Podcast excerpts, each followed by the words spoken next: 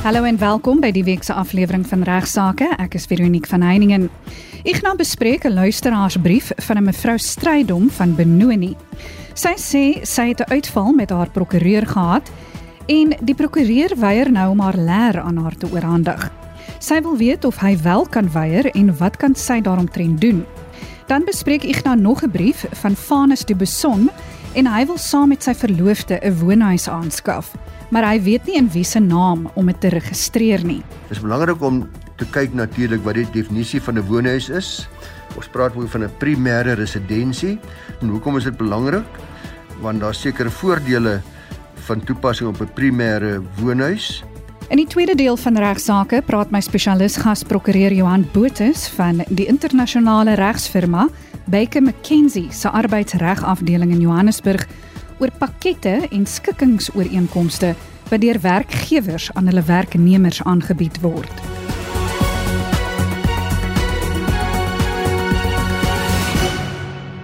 Ons begin die week die program met Igna wat 'n luisteraarsbrief van 'n mevrou Strydom ontvang het. Die brief hou verband met haar prokureur wat nie haar leer aan haar wil oorhandig na uitval wat hulle gehad het nie. Goeiemôre weer eens aan die almal, môre ook aan julle Veronique daar in die ateljee. Baie lekker om weer te gesels met ons luisteraars oor regsaake en ek doen dit namens die Prokureursorde van Suid-Afrika en ons hoop van ons kant af as Prokureursorde dat uh, hierdie program baie gaan daartoe bydra om die reg vir u meer toeganklik te maak. Mevrou Strydom van Benoni vra vir my 'n vraag na aanleiding sy sê sy het uitval met haar prokureur gehad. Hy wil nie haar leervaart teruggee nie en sy wil die saak nou verder vat en sy weet nie wat om te doen nie. Sy vra kan my gewese prokureur weier om 'n leer my te oorhandig? En tweedens wil sy weet, sy sê sy sukkel om 'n ander prokureur in dieselfde dorp te kry. Uh, moet 'n prokureur mense opdrag aanvaar as jy hom nader met 'n versoek. Nou dit kom baie in praktyk voor uh luisteraars dat 'n prokureur weier om sy leer aan 'n kliënt te oorhandig en uh, dat dit is ook baie sodat die kliënt dan graag die mandaat wil beëindig omdat sy nie meer vertroue in die prokureur het nie. In hierdie geval het mevrou Stryde maar uitval gehad sê sy, maar daar kan baie ander redes wees waarom mens liewers na 'n ander prokureur toe wil gaan.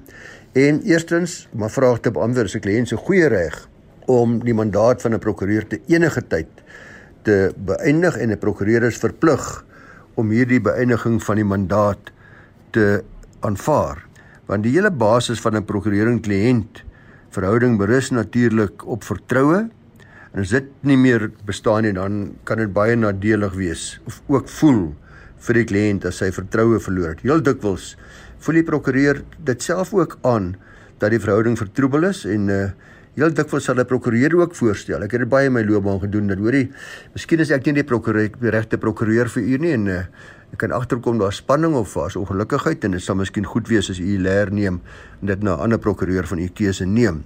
Maar belangrik is, dis waarskynlik wat hier by my frustrasieom gebeur. Sodra 'n prokureur se mandaat beëindig word, moet hy die beëindiging aanvaar, maar hy's geregtig om alle billike fooie en uitgawes van dan sy voormalige kliënt te verhaal tot op datum van beëindiging van sy mandaat. En dis nou waar die oorhandiging van die leer te sprake kom en jy wil die leer hê om aan jou nuwe prokureur te oorhandig.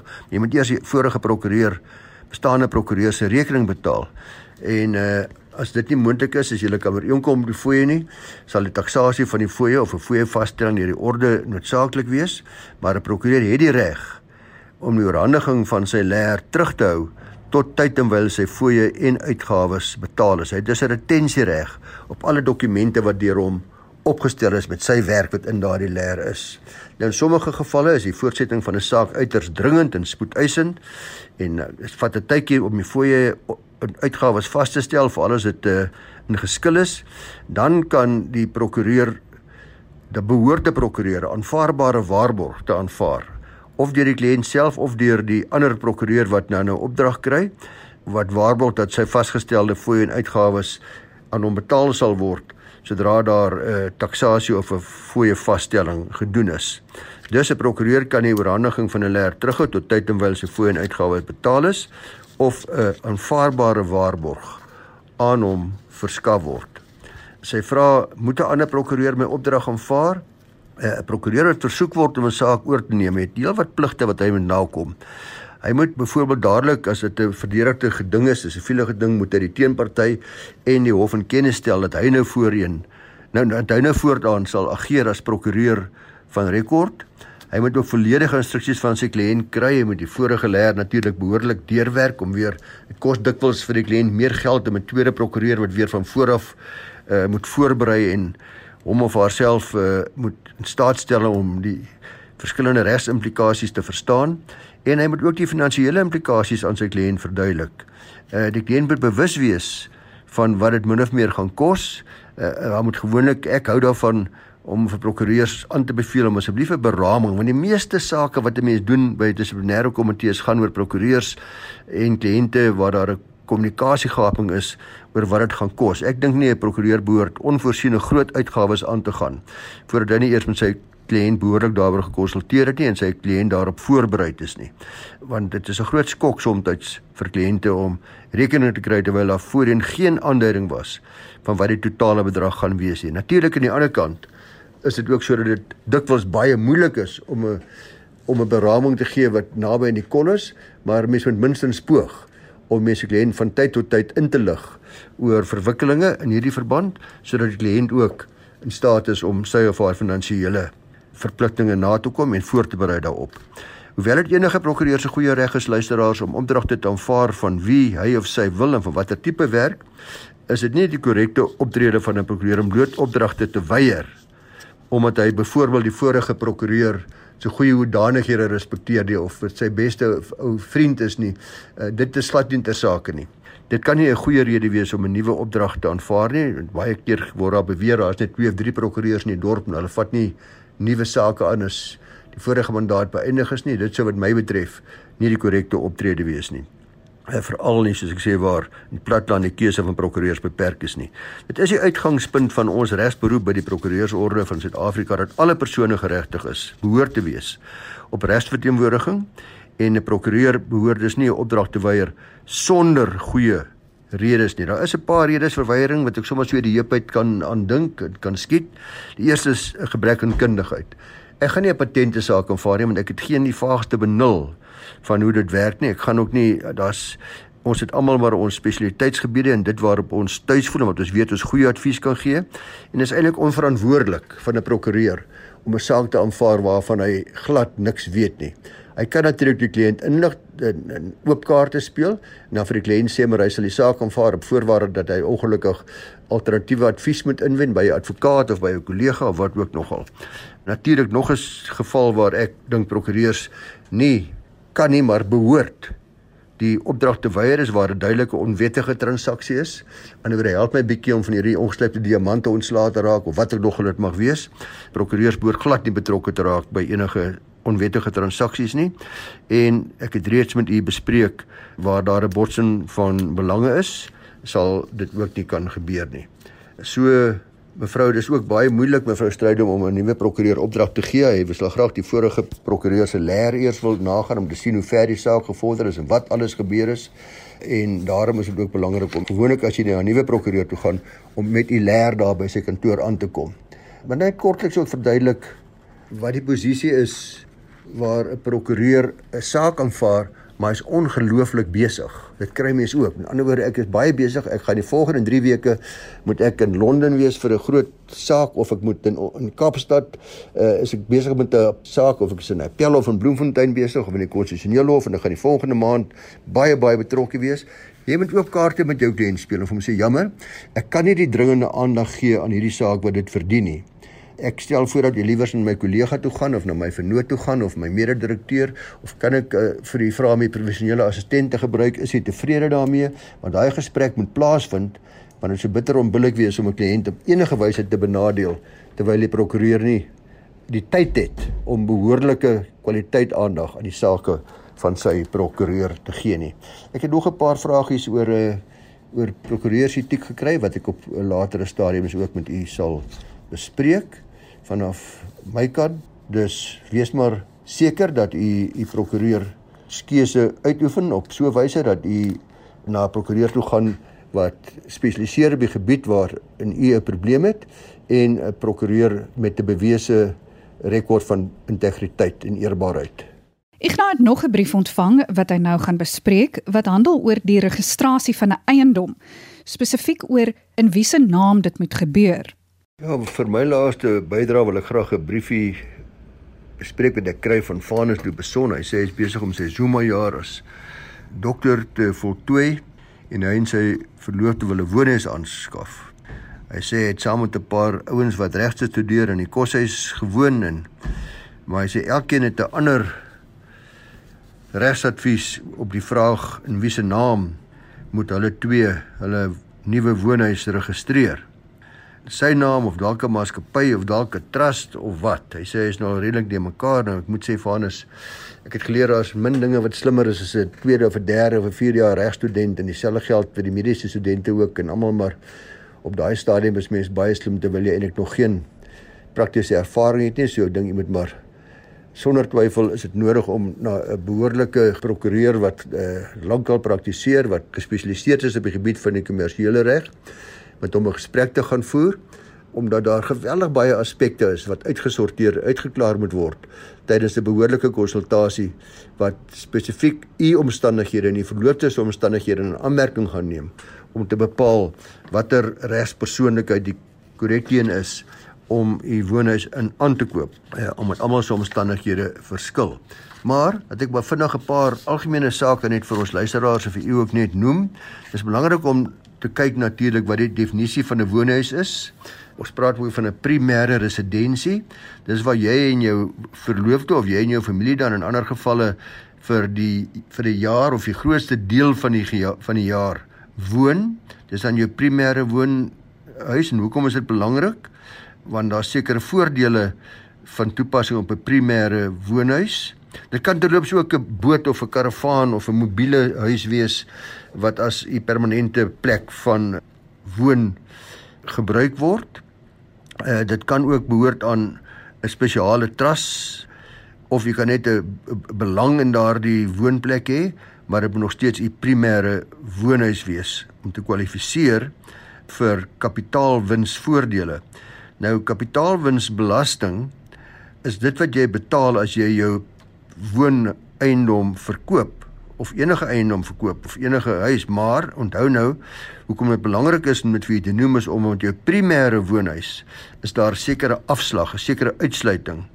Die ontvanger van inkomste, die Suid-Afrikaanse Inkomste Diens, gee afslag. Ek ek, ek moes nou nog gaan kyk het. Ek dink dit is op die oomblik op die eerste 2 miljoen van die wins wat jy maak op die verkoping van jou primêre eiendom. Sê byvoorbeeld jou wins is 2,5 miljoen rand, jy het hom gekoop vir 'n miljoen, jy verkoop hom nou vir 3,5, jou wins is 2,5, dan word 2 miljoen afgetrek en jy gaan net kapitaalwinsbelasting betaal op die 500 000 rand balans. Die huidigelik is dit 18% vir individue en soos ek sê dis 'n baie groot voordeel, maar daar's ook nadele. Dis waarom ek sê dis belangrik om u omstandighede te gaan bespreek met 'n kenner op die gebied. Moet dit nie as advies van my kant af aanvaar spesifiek vir jou nie, Vanus nie, want ek gee maar algemene aanduidings. Dis ook so dat en omdat jy vandag koop vir 2 miljoen rand natuurlik oor 20 jaar as jy nou lank in die eiendom gaan woon en jy gaan 'n eh, dokter word daar in daai gebied waar jy is en jy gaan daar so vaskop en jou beroep daar beoefen vir die volgende 20 jaar dat jou eiendom dan dalk 20 miljoen rand gaan werd wees. En dan natuurlik sit jy met 'n moontlike boedelbelasting probleem. En as alle belastings bly soos ons dit vandag ken, dan gaan jou uh boedelbelasting 'n baie groter probleem wees as die moontlike voordeel wat jy nou vandag gekry het uh om die as op die kapitaalwinsbelasting op jou primêre woning. Uh so die vraag is wat is nou die beste? Want as die uh, belasbare bedrag in jou boedel minder is as 30 miljoen rand gaan jy 25% boedelbelasting betaal. En as dit meer as 30 miljoen rand is gaan jy dan uh, 25% betaal. En net die eerste 3,5 miljoen rand is tans kwytgeskeld. Terwyl as jy jou woonhuis nou in 'n maatskappy gekoop het of 'n trust en hulle besit jou primêre woning dan natuurlik is daar geen groei in jou eie boedel nie en dan het dit 'n aansienlike invloed op jou uiteindelike boedelbelasting wat uh, betaalbaar gaan wees en natuurlik ook op die moontlike aanval daarop of die moontlike gryp daarvan deur skuldeisers want dit is nie in jou eie of in jou vrou se naam nie. So daar's ook daardie voordele van beskerming teen skuldeisers. want 'n uh, eiendom wat in 'n maatskappy vertrust is vorm nie deel van jou boedel as jy insolvent verklaar word nie. Om jou uh, onroerende eiendom, jou huis in 'n maatskappy te koop, maak soms uh, baie sin uit as 'n trust die aandele in die maatskappy hou, maar weer eens, ek dis maar basiese voor en moontlike nadele wat gaan verskil van elke persoon tot persoon en my advies is gaan sien uh, iemand wat spesialiseer in boedelbeplanning. Julle is nog jonk, julle gaan nog baie bates bymekaar maak hopelik, jy en jou verloofde. Iemand wat welvaart skepping met jou behoorlik kan bespreek en jou unieke situasie kan ontleed. Dankie Ignas vir jou bydrae. Dit was beslis leersaam. My spesialis gas Johan Botha is hoof van die internasionale regsfirma Baker McKenzie se arbeidsreg afdeling in Johannesburg. Welkom by Regsake Johan. Nou, sê vir my, jy bespreek vandag onder meer 'n situasie waar 'n werkgewer jou byvoorbeeld sou nader met 'n pakket en jou vra om 'n skikkingsooreenkoms te teken. Mag 'n werkgewer dit doen? Ja, inderdaad. 'n Werkgewer kan inderdaad 'n werknemer nader en sê oorweeg dit om jou dienste beëindig by my en ek sal bereid wees om jou te vergoed daarvoor. So byvoorbeeld ek betaal jou 'n miljoen rand as jy bereid sou wees om 'n skikkingsooreenkoms te teken in terme waarvan ons jou diens beëindig en jy alle eise teen my laat vaar en miskien is ek selfs bereid om alle eise teen jou te laat vaar.